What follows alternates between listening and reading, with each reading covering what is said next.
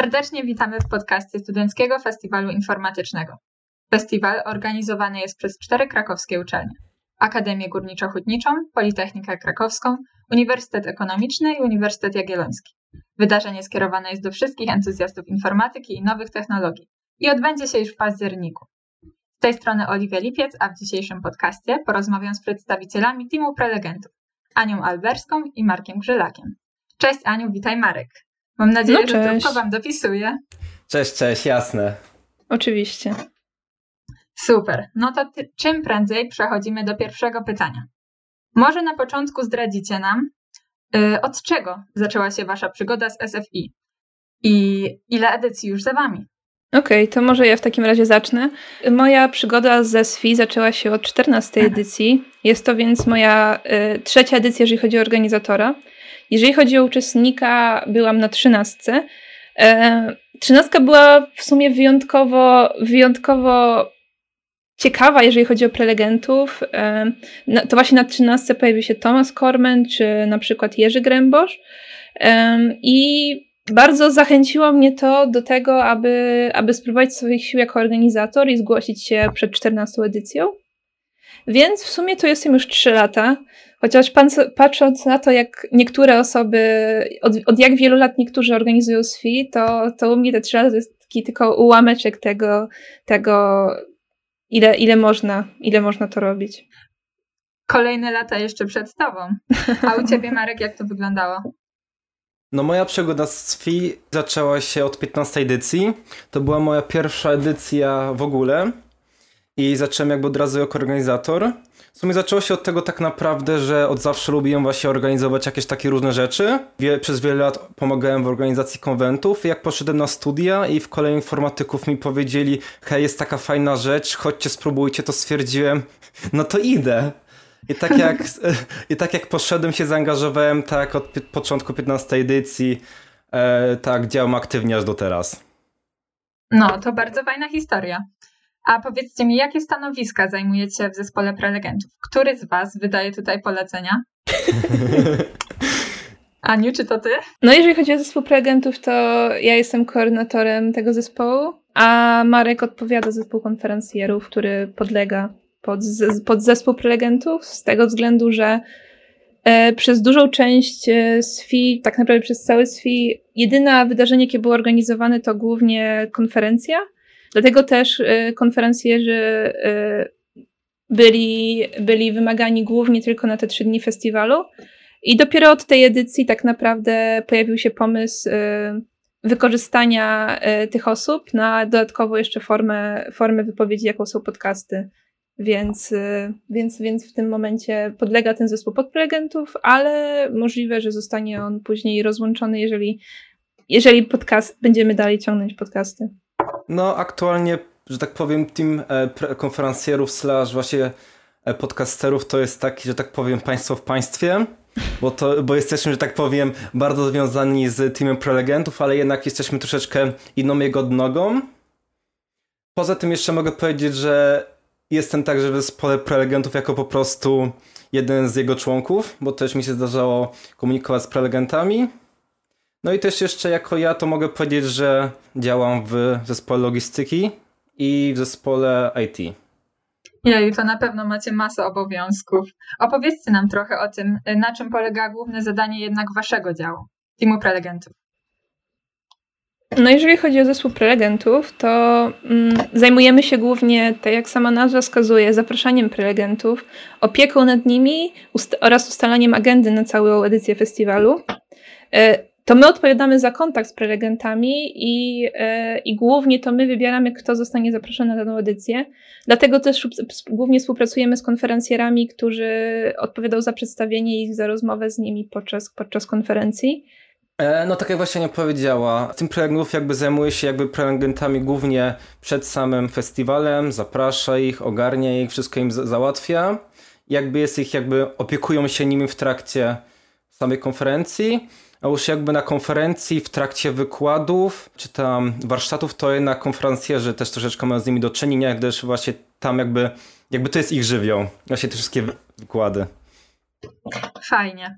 No, sukces festiwalu na pewno zależy od, od prelegentów. To oni przyciągają tłumy studentów i to od nich zależy, czy, czy jednak zaciekawią, czy może wypadną trochę gorzej w oczach widzów.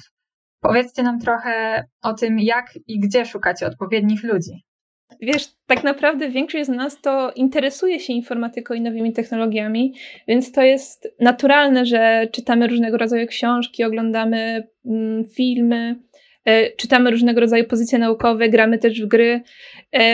Więc tak naprawdę technologia jest wszędzie wokół nas i każdy z nas ma jakieś, jakieś, jakąś ekipę, jakąś grupę, jak, jak, jakiegoś człowieka związanego z informatyką czy technologiami, którą, z którą chciałby porozmawiać lub bardzo poznać.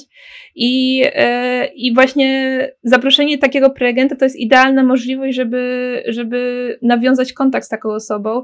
Nieważne, czy to jest e, ekspert w dziedzinie AI, czy, czy na przykład CD Projekt Red. No dokładnie tak Ania mówi, że tak powiem, jakby, jak, jak zaczyna się zapraszanie prelegentów, to tworzymy, że tak powiem, swego rodzaju arkusz jakby na naszych wewnętrznych serwisach. Jest on dostępny dla wszystkich organizatorów po prostu jest, jest powiedziane, kogokolwiek chcecie, napiszcie tutaj, tokolwiek jest ciekawy, dajcie nam znać. My jako team prelegentów przejrzymy ich, zobaczymy i spróbujemy pozapraszać. Festiwal nie ma szansy istnieć bez tego waszego zorganizowania i mobilizacji. Jak przebiega proces werbowania y, prelegenta tak dokładnie? Od czego się zaczyna? No myślę, że jakby właśnie tak jak mówiliśmy przed chwilą, najpierw zaczyna się od właśnie pomysłu, kto to ma być. Jak już wybierzemy jakieś osoby, które chcemy zapraszać, to są one przydzielane do konkretnych osobów właśnie w tymie prelegentów, którzy wysyłają do nich zapytanie zazwyczaj mailowe bądź jakimkolwiek innym środku komunikacji, który jest najłatwiejszy, żeby się z danym prelegentem skontaktować, zapytaniem jakby z, ogólnie z informacją, że jest konferencja z FI, taka i taka, dzieje się na takie, takie rzeczy. Bylibyśmy bardzo e, szczęśliwi, gdyby mógł pan, pani przebyć na naszą konferencję jako wykładowca, czy, czy osoba, która będzie prowadzić warsztat. No i po prostu czekam na odpowiedź. Gdy tam odpowiedź już dostaniemy, no jak odmową, to niestety e, jakby koniec procesu. Ewentualnie pytamy się, czy e, kogokolwiek innego kogo mogliby polecić albo czy chcieliby może w następnych latach dołączyć, jeśli nie mogą w tym roku na przykład. Za to jeśli się nam uda, to zaczyna się cały proces, że tak powiem, znajomenia się z tym prelegentem, gdy zdobywamy od niego wszystkie dane związane z tym, kiedy miałby przeprowadzać ten wywiad, w który dzień konferencji, e, czy potrzebuje noclegu, czy, czy chce wyżywienie, e, odpowiednie materiały, które możemy promować na social mediach. No jak już tego wszystko się dowiadujemy, to w trakcie tego też to wszystko zamawiamy, też zamawiamy transport dla nich. No i w trakcie konferencji, jakby przed samą konferencją oni przyjeżdżają, jakby opiekunowie prelegentów się nimi zajmują, a w, już w trakcie samej konferencji właśnie oni prowadzą swoje wy, wykłady, warsztaty, są zabierani na posiłki. No i, i festiwal działa. Tak, no. No dokładnie. Festiwal, festiwal działa, są wywiady, są warsztaty, my jesteśmy szczęśliwi, oni są szczęśliwi. Na koniec... I na tym polega prawdziwa współpraca, tak to powinno wyglądać. No dokładnie. Ja bym w sumie jeszcze dopowiedziała, że tak naprawdę samo zaproszenie prelegenta to jest rzecz banalna, bo tak naprawdę wielu, wielu osobom się wydaje, że ci, że, ci, że ci wszyscy ludzie w informatyce to są jakieś takie górnolotne osoby, które sobie tam siedzą, nie wiem, w tej Ameryce, czy nawet gdzieś w Polsce, w Warszawie i, i po prostu robią to, co robią i są w tym super, ale tak naprawdę to, to wystarczy czasami poprosi, po prostu napisać do takiej osoby maila, poprosić ją, nie wysłać spamu, bo spam jest najgorszy, ale spersonalizowanego maila. E, i, i jeżeli, jeżeli na przykład bardzo często może być to nauczyciel na przykład z powołania, albo po prostu osoba, która jest zainteresowana przekazywaniem wiedzy. E, I, I czasami się zdarza, że po prostu z chęcią odpiszę i po prostu wystarczy nie bać się odpowiedzi i na pewno na, pewno na kilka odmów będzie, będzie równie dużo e, odpowiedzi twierdzących, chętnych przyjechać do, do Krakowa albo gdziekolwiek byście chcieli. No świetnie, trzeba mieć trochę tej odwagi, żeby, żeby zapytać. A czy zwerbowani i zaprawieni do boju już prelegenci stawiają Wam również jakieś wymagania co do Waszej współpracy? No wiecie, prelegenci to też w sumie są ludzie, no. Każdy, każdy ma swoje jakieś przyzwyczajenia, jak, jak gdzieś mieszka, czy coś ty, tego typu. To też różne sytuacje mają miejsce, to jak, jak mogliśmy się przekonać w tym roku. Nie wszystko da się przewidzieć. No na przykład e, zdarzyło się, że prelegenci przyjeżdżali z bardzo małymi dziećmi i trzeba było na przykład plan, zastanawiać się, zastanawiać się, e, czy czy hotel przyjmuje na przykład niemowlaki, albo e, zdarzył, zdarzył się raz prelegent, który, który był przeciwko wszelkiemu establishmentowi i e, zaproponował, że przyjedzie tylko, jeżeli będzie nocować u któregoś z organizatorów, bo do hotelu nie przyjedzie. Więc no, różne rzeczy się zdarzają, ale my też mamy czasami, my też stawiamy czasami przed prelegentami różnego rodzaju wyzwania, szczególnie jeżeli na przykład nie ma bezpośredniego połączenia do Krakowa. E, I zdarzało się, że prelegent musiał e, czekać 4 godziny na, e, na dworcu w jakiejś wsi, ponieważ nie było po prostu innego połączenia, więc oni, oni mają zapazuchą i my też czasami jakieś różnego wyzwania przed nimi stawiamy. No trzeba się poświęcać po prostu dla festiwalu. Nie widzę innej możliwości. Dokładnie. Jak wszyscy y, wiemy, pandemia sprawiła, że festiwal został przeniesiony na październik. Jednak zespół SFI działa ciągle na najwyższych obrotach.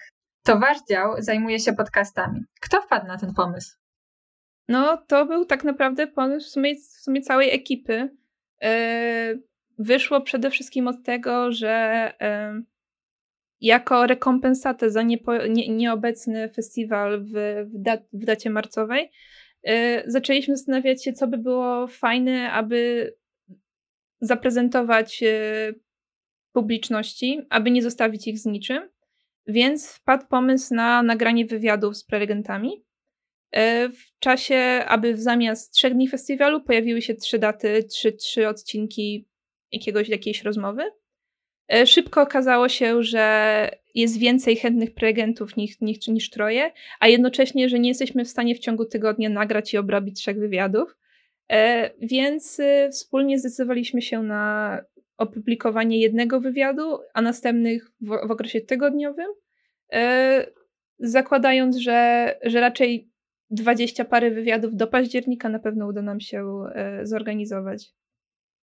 No tak jak, tak jak Ania mówi, to był taki pomysł, chcemy jakoś dać uczestnikom jakby jakąś alternatywę konferencji. Potem przyszła rzeczywistość. No jednak to, co chcemy, nie damy rady zrobić. No to przyszły pomysły. No dobra, to, to przenieśmy to na trochę później, róbmy co tydzień i zróbmy z tego coś stałego. I tak to trwa do dzisiaj. Tak, i się okazało, że w sumie systematyczność też nie jest taka prosta. Oj tak, oj tak. Czyli to jest jedna rzecz, którą nauczyła Was praca nad tymi podcastami, a może coś jeszcze fajnego wypłynęło z Waszego pomysłu? No to prawda, jakby zorganizowanie pracy właśnie nad podcastami jest bardzo ciężką sprawą, gdyż po pierwsze trzeba skoordynować działania e, konferencjera, który umawia się z prelegentem, żeby odpowiednio wcześniej to, to nagrać, następnie to nagrać, potem jeszcze przypilnować, żeby odpowiednie osoby obrobiły to nagranie, bo każde nagranie jest obrabiane, żeby jak najlepiej się je słuchało, a następnie w odpowiednim momencie wrzucić na nasze e, na SoundClouda i inne serwisy, na których wrzucam nasze podcasty, a potem jeszcze przez długi, długi czas e, pracować nad byciem tych podcastów social media. Wydaje się, że to jest taki jeden a podcast, jakaś tam godzinka, a tak naprawdę praca nad jednym podcastem rozciąga się na kilka tygodni, na co na, jak, jak nie co najmniej miesiąc. Aniu, a co, cię, co ciebie nauczyła właśnie yy, ta praca nad podcastami? No przede wszystkim regularności. Praca nad jednym wydarzeniem to jest jedna kwestia, a nad kilkoma drobnymi, regularnymi e, formami to, to jest całkowicie inna kwestia. Wymaga ona współpracy wspólnej między zespo różnymi zespołami, prelegentów, marketingu, konferencjerów oraz zespołu IT. Um, no i jednocześnie, tak jak powiedział Marek, jest to, jest to tak naprawdę wbrew pozorom całkiem sporo pracy, szczególnie jeżeli studiujemy i pracujemy. E, wymaga to ustalenia planu, konsultacji, obróbki nagrań. E, I tak naprawdę, jeżeli byśmy chcieli, żeby nasza rozmowa była jak najlepsza, to sama, sam wywiad musi być angażujący, a jakość dźwięku nie może przypominać tego z budki telefonicznej. No i w sumie co do budki, to na pewno nauczyło mnie to, na pewno praca, zabawa z podcastami nauczyła mnie tego. Część z podcastów jest obrabianych przeze mnie, więc po, musiałam nauczyć się na szybkości obróbki, ty, obróbki dźwięku. E, I dzięki, dzięki tej nauce, teraz jak słucham różnych podcastów albo oglądam filmików na YouTubie, czasami mi tak w kole oczy, jak ten dźwięk jest źle obrobiony, to tragedia. No i tak rodzą się eksperci, moi państwo. Tak, własna praca. Jeszcze co tak mogę dodać, że właśnie jak się tak myśli nad zorganizowaniem tego wszystkiego na tej ciągłej, e, powtarzającej się pracy, no tak w pewnym momencie przychodzi, przyszła do mnie taka refleksja, że jednak jedną sprawą jest sobie samemu zorganizować grafik i jego się trzymać, a drugą sprawą jest dodanie do nich rzeczy zewnętrznych, czyli innych ludzi, którzy niekoniecznie mogą się zgodzić z twoim grafikiem. I wtedy masz ten problem, żeby jakoś działać tak, żeby mimo tych różnic, kto kiedy coś może robić, żeby to wszystko połączyć, żeby to wszystko e, wyszło do naszych słuchaczy na czas. Tak, ale jeżeli ten mechanizm działa, to z ciebie spada obowiązek robienia wielu z tych, wielu z tych elementów. Na przykład dzięki zespołowi marketingu nie, nie, nie musimy konkretnie Y, stawiać nacisku na promocję tego podcastu. Tak, robią dużą robotę, za którą jesteśmy im wdzięczni. Myślę, że oni też y, bardzo Wam za to dziękują, za Waszą pracę. A powiedzcie mi, co czujecie, gdy widzicie kolejne odsłony tej Waszej pracy nad podcastami w serwisach jak Spotify, jak YouTube? Dumę, czy może ambicje na więcej? No, powiem tak, ja jestem osobą, która bardzo lubi właśnie widzieć efekty swojej pracy. Szczególnie jak mogę patrzeć na jakieś wykresiki czy inne dane. I jak właśnie widzę e, na naszych e, mediach, naszych mediach wykresy, od ile osób odsłuchało dane podcasty, jakie, ilu mamy słuchaczy, to naprawdę jest bardzo przyjemnie się, się na to patrzy i zachęca do dalszej pracy. No, jeżeli o mnie chodzi, to przede wszystkim chciałam stworzyć te podcasty, aby przybliżyć jak najwięcej, naj, największej ilości ludzi tych super niesamowite osoby ze świata IT, technologii e, i pokazać trochę szerszemu gronowi odbiorców nie tylko e, ludziom z Krakowa, czy też studentom e, krakowskich uczelni, jacy różnorodni ludzie są zainteresowani IT oraz też tak w sumie to zainspirować do działania jakichś, jakichś innych i tworzenia własnych projektów, bo na przykład jeżeli słucha się powiedzmy Maćka Korsana, który opowiada o swoich projektach, o swoim Sokole Millennium, to praktycznie aż samemu się chce y, ruszyć jak, jakieś swoje klocki Lego i może wrzucić tam jakieś może Arduino czy coś. Niesamowite. Jedyne, co mogę zrobić, to pogratulować Wam tej Waszej pracy. A powiedzcie naszym słuchaczom, bo pewnie bardzo czekają na te wiadomości, czy po tym, jak 16. edycja SFI zakończy się w październiku, planujecie dalej ciągnąć y, tworzenie podcastów? Powiem, że byłoby to bardzo miłe, gdyż jakby włożyliśmy w to dużo pracy i przynajmniej zakładam, że nie się z nami zgodzi, ale widzimy przed tym jakby świetlaną przyszłość tych podcastów, bo to pozwala nam troszeczkę inną um, integrację z naszymi słuchaczami, a od tego też pozwala nam rozszerzyć naszą działalność jako festiwal, bo na samej konferencji mamy ograniczoną ilość e, liczby osób, które możemy zaprosić. Dzięki podcastom ta, ta liczba się nam e, kolosalnie powiększa, co jest tylko na plus. No, ja powiem szczerze, że e, to wszystko zależy od tego, ile osób będzie oglądało te podcasty. E, każdy z nas robi to wszystko wolontaryjnie. Jesteśmy organizacją studencką, a nie e, firmą marketingową czy jakąś działalnością gospodarczą, więc nie zarabiamy na tych podcastach. E, I jedyny taki wymierny wskaźnik, jaki może, jaki może pokazywać nasz sukces, to jest to, ile osób posłucha dany podcast i ile osób zaangażuje się w dyskusję na temat wypowiedzi danego prelegenta. Więc jeżeli jeżeli wystarczająco dużo osób będzie oglądało do października ten podcast, a jednocześnie my będziemy e, zainteresowani tworzeniem dalej tych treści, to czemu nie? Tak naprawdę e, to jest już nasza 16 edycja festiwalu. Mamy za sobą 16 lat e, organizowania konferencji, na której rokrocznie pojawia się kilkadziesiąt różnego rodzaju ciekawych osobistości i nie ma problemu zap zaprosić kolejnych zapytać się ich o, o, o wspólną rozmowę, więc y, Wszystko, wszystko zależy przede wszystkim od słuchaczy. Czyli po prostu teraz pełna mobilizacja, drodzy słuchacze, i oglądamy wszystkie, słuchamy wszystkie podcasty, jakie dotąd zostały nagrane, żeby tylko nasi organizatorzy dalej mogli tworzyć te cuda dla nas. A teraz powiedzcie mi, jak wygląda wasz zespół, bo dużo mówicie o tym, że pracujecie razem, wspólnie i macie wielu ludzi. I kto, kto stoi za tymi szaleno, szalonymi obowiązkami? No, przede wszystkim zespół prelegentów składa się z kilkunastu osób. Nie jestem w stanie powiedzieć dokładnej liczby, ponieważ e, zachęcamy wszystkich organizatorów do zapraszania każdy, prelegen, każdego prelegen, każdy, każdy, każdą osobistość, jaką są zainteresowani, więc jeżeli ktoś szczególnie chce y, poznać jakiegoś konkretnego informatyka czy programistę, to nic nie, nic nie stoi na przeszkodzie, aby zaprosił tylko tą jedną osobę i kontaktował się tylko z nią. Więc jest parę osób, które chętnie zapraszają wiele osób, a jest też kilka osób, y, które zaprasza konkretne osobistości. I wracając do tematu, jak działamy, to właśnie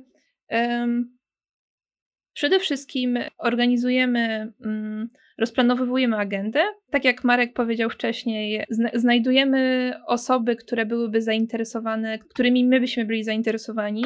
Słuchamy bardzo wielu e, wykładów, e, wypowiedzi z innych konferencji. Gramy też w gry czasami, bo jest bardzo wielu game designerów, którzy są mega ciekawi.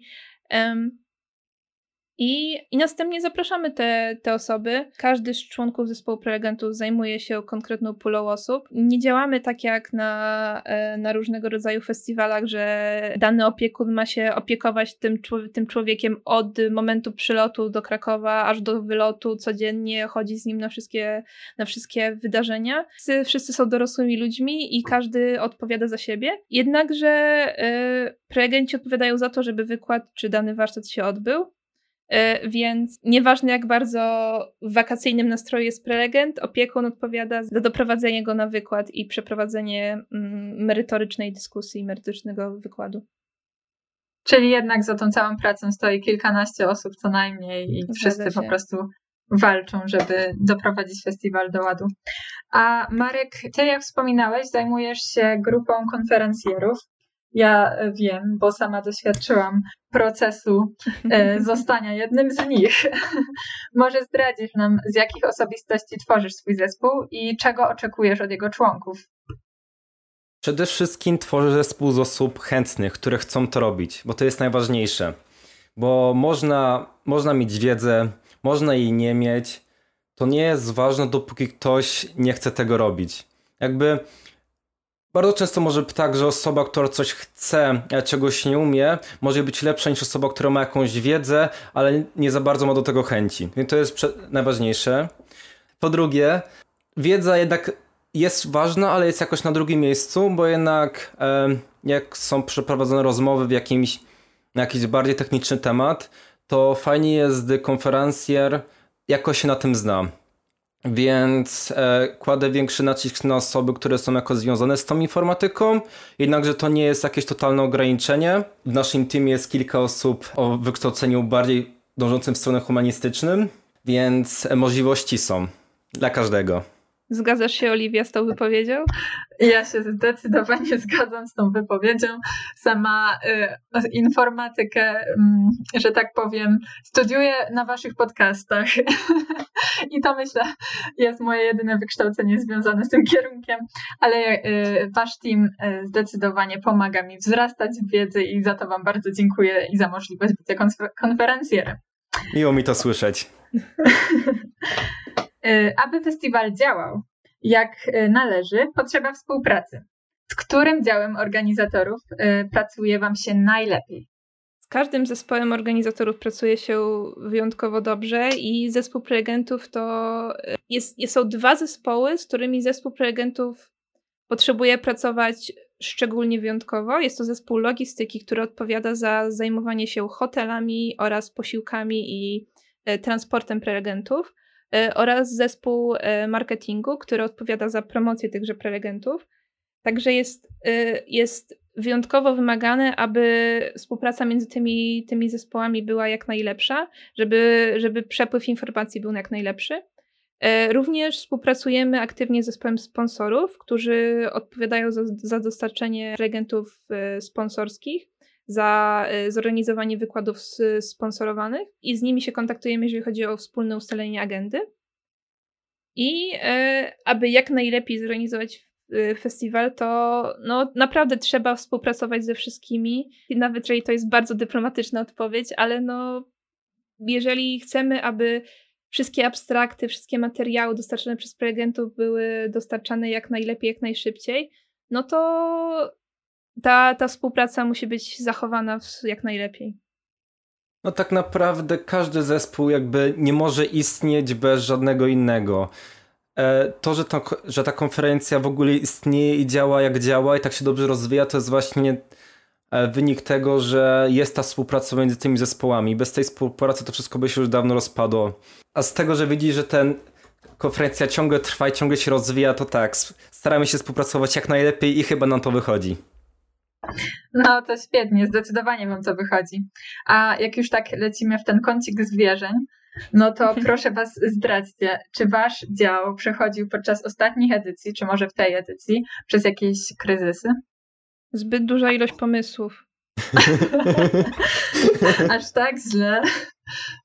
No, ja jestem trochę ambitną osobą i Prawda. w momencie, w którym w momencie, w którym dostałam możliwość koordynowania tego zespołu, zastanawiałam się, jak, jak ulepszyć całą edycję.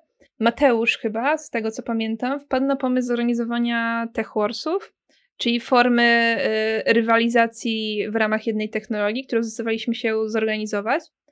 Następnie po, przyszedł pomysł paneli dyskusyjnych, które w sumie też zdecydowaliśmy się zorganizować które też miały pojawić się na 16 edycji, pojawił się. I pojawiło się wiele innych pomysłów na jeszcze, jeszcze, jeszcze większe ulepszenie festiwalu, które pojawiały się na przełomie lutego i marca, które może zostaną zrealizowane, może nie, ale wpłynęły na, na, na dużą dyskusję, y, jak bardzo chcemy, jak, jak wiele czasu chcemy poświęcić w SFI, a jak bardzo, jak, jak dużo chcemy spać w danych tygodniach. Sen też jest ważny, pamiętajmy. No. Zdrowie psychiczne też jest ważne. Jeszcze z takich rzeczy chyba, co takich bardziej przyziemnych, e, to myślę, że z takich kryzysów to można powiedzieć, że jakby epidemia spowodowała troszeczkę jeden, taki leciutki, A, mi się wydaje. Ja cię nie licząc, jakby abstrahując całej sytuacji mhm. e, z tam social distancing i innymi, to myślę takim małym kryzysem chwilowym było na przykład e, loty u nas w pre, jakby w prelegentach. No, w sumie to prawda. Też w sumie sam fakt tego, że prelegenci zaczęli masowo odwoływać przyjazd i my na, naprawdę pod koniec lutego wierzyliśmy, że coś się odbędzie. Jeszcze nie było żadnych przypadków. Planowaliśmy cały czas y, organizację, E, a w nagle w ciągu dosłownie 3-4 dni jedna trzecia prelegentów chyba odwołała przyjazd, coś koło tego. I wiązało się to też to z masowym, e, masowymi odwoływaniami lotów, próbą zdobycia jak najwięcej ilości zwrotów za, za dane loty, która, która częściowo się udała i to jest w sumie dobra wiadomość. Czyli zawsze wychodzicie później na prostą i to się liczy. Staramy się. No, zbliżając się już do końca naszego wywiadu, e, może trochę powspominamy. Jakich zdarzeń związanych z festiwalem nie zapomnicie do końca swojego życia?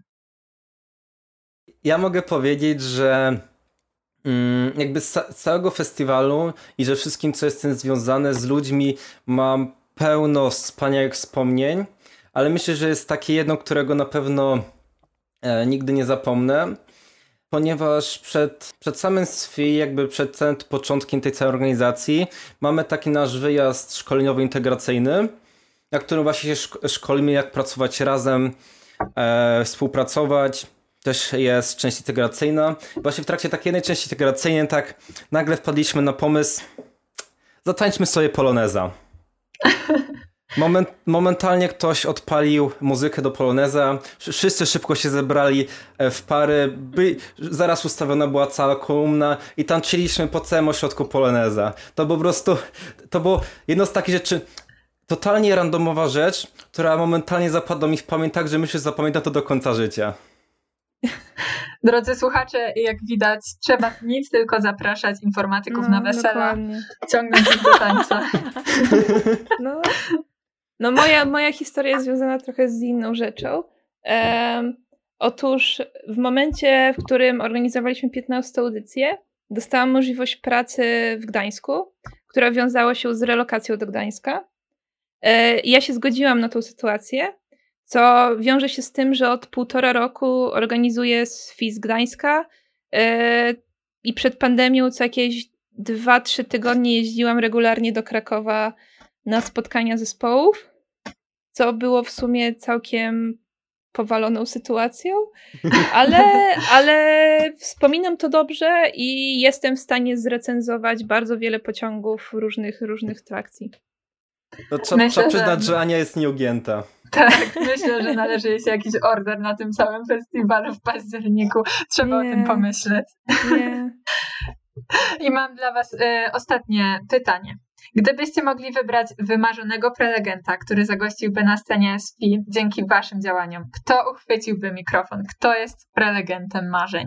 Ja myślę, że powinien od tego zacząć Marek, bo był taki jeden prelegent, którego on bardzo chciał zaprosić i nadal w sumie chyba próbuje zrobić to. Zdradzam, E, Marek. Tak, w sensie jest jedna osoba, którą bardzo chciałbym e, usłyszeć albo na podcaście, albo zobaczyć na naszej e, konferencji.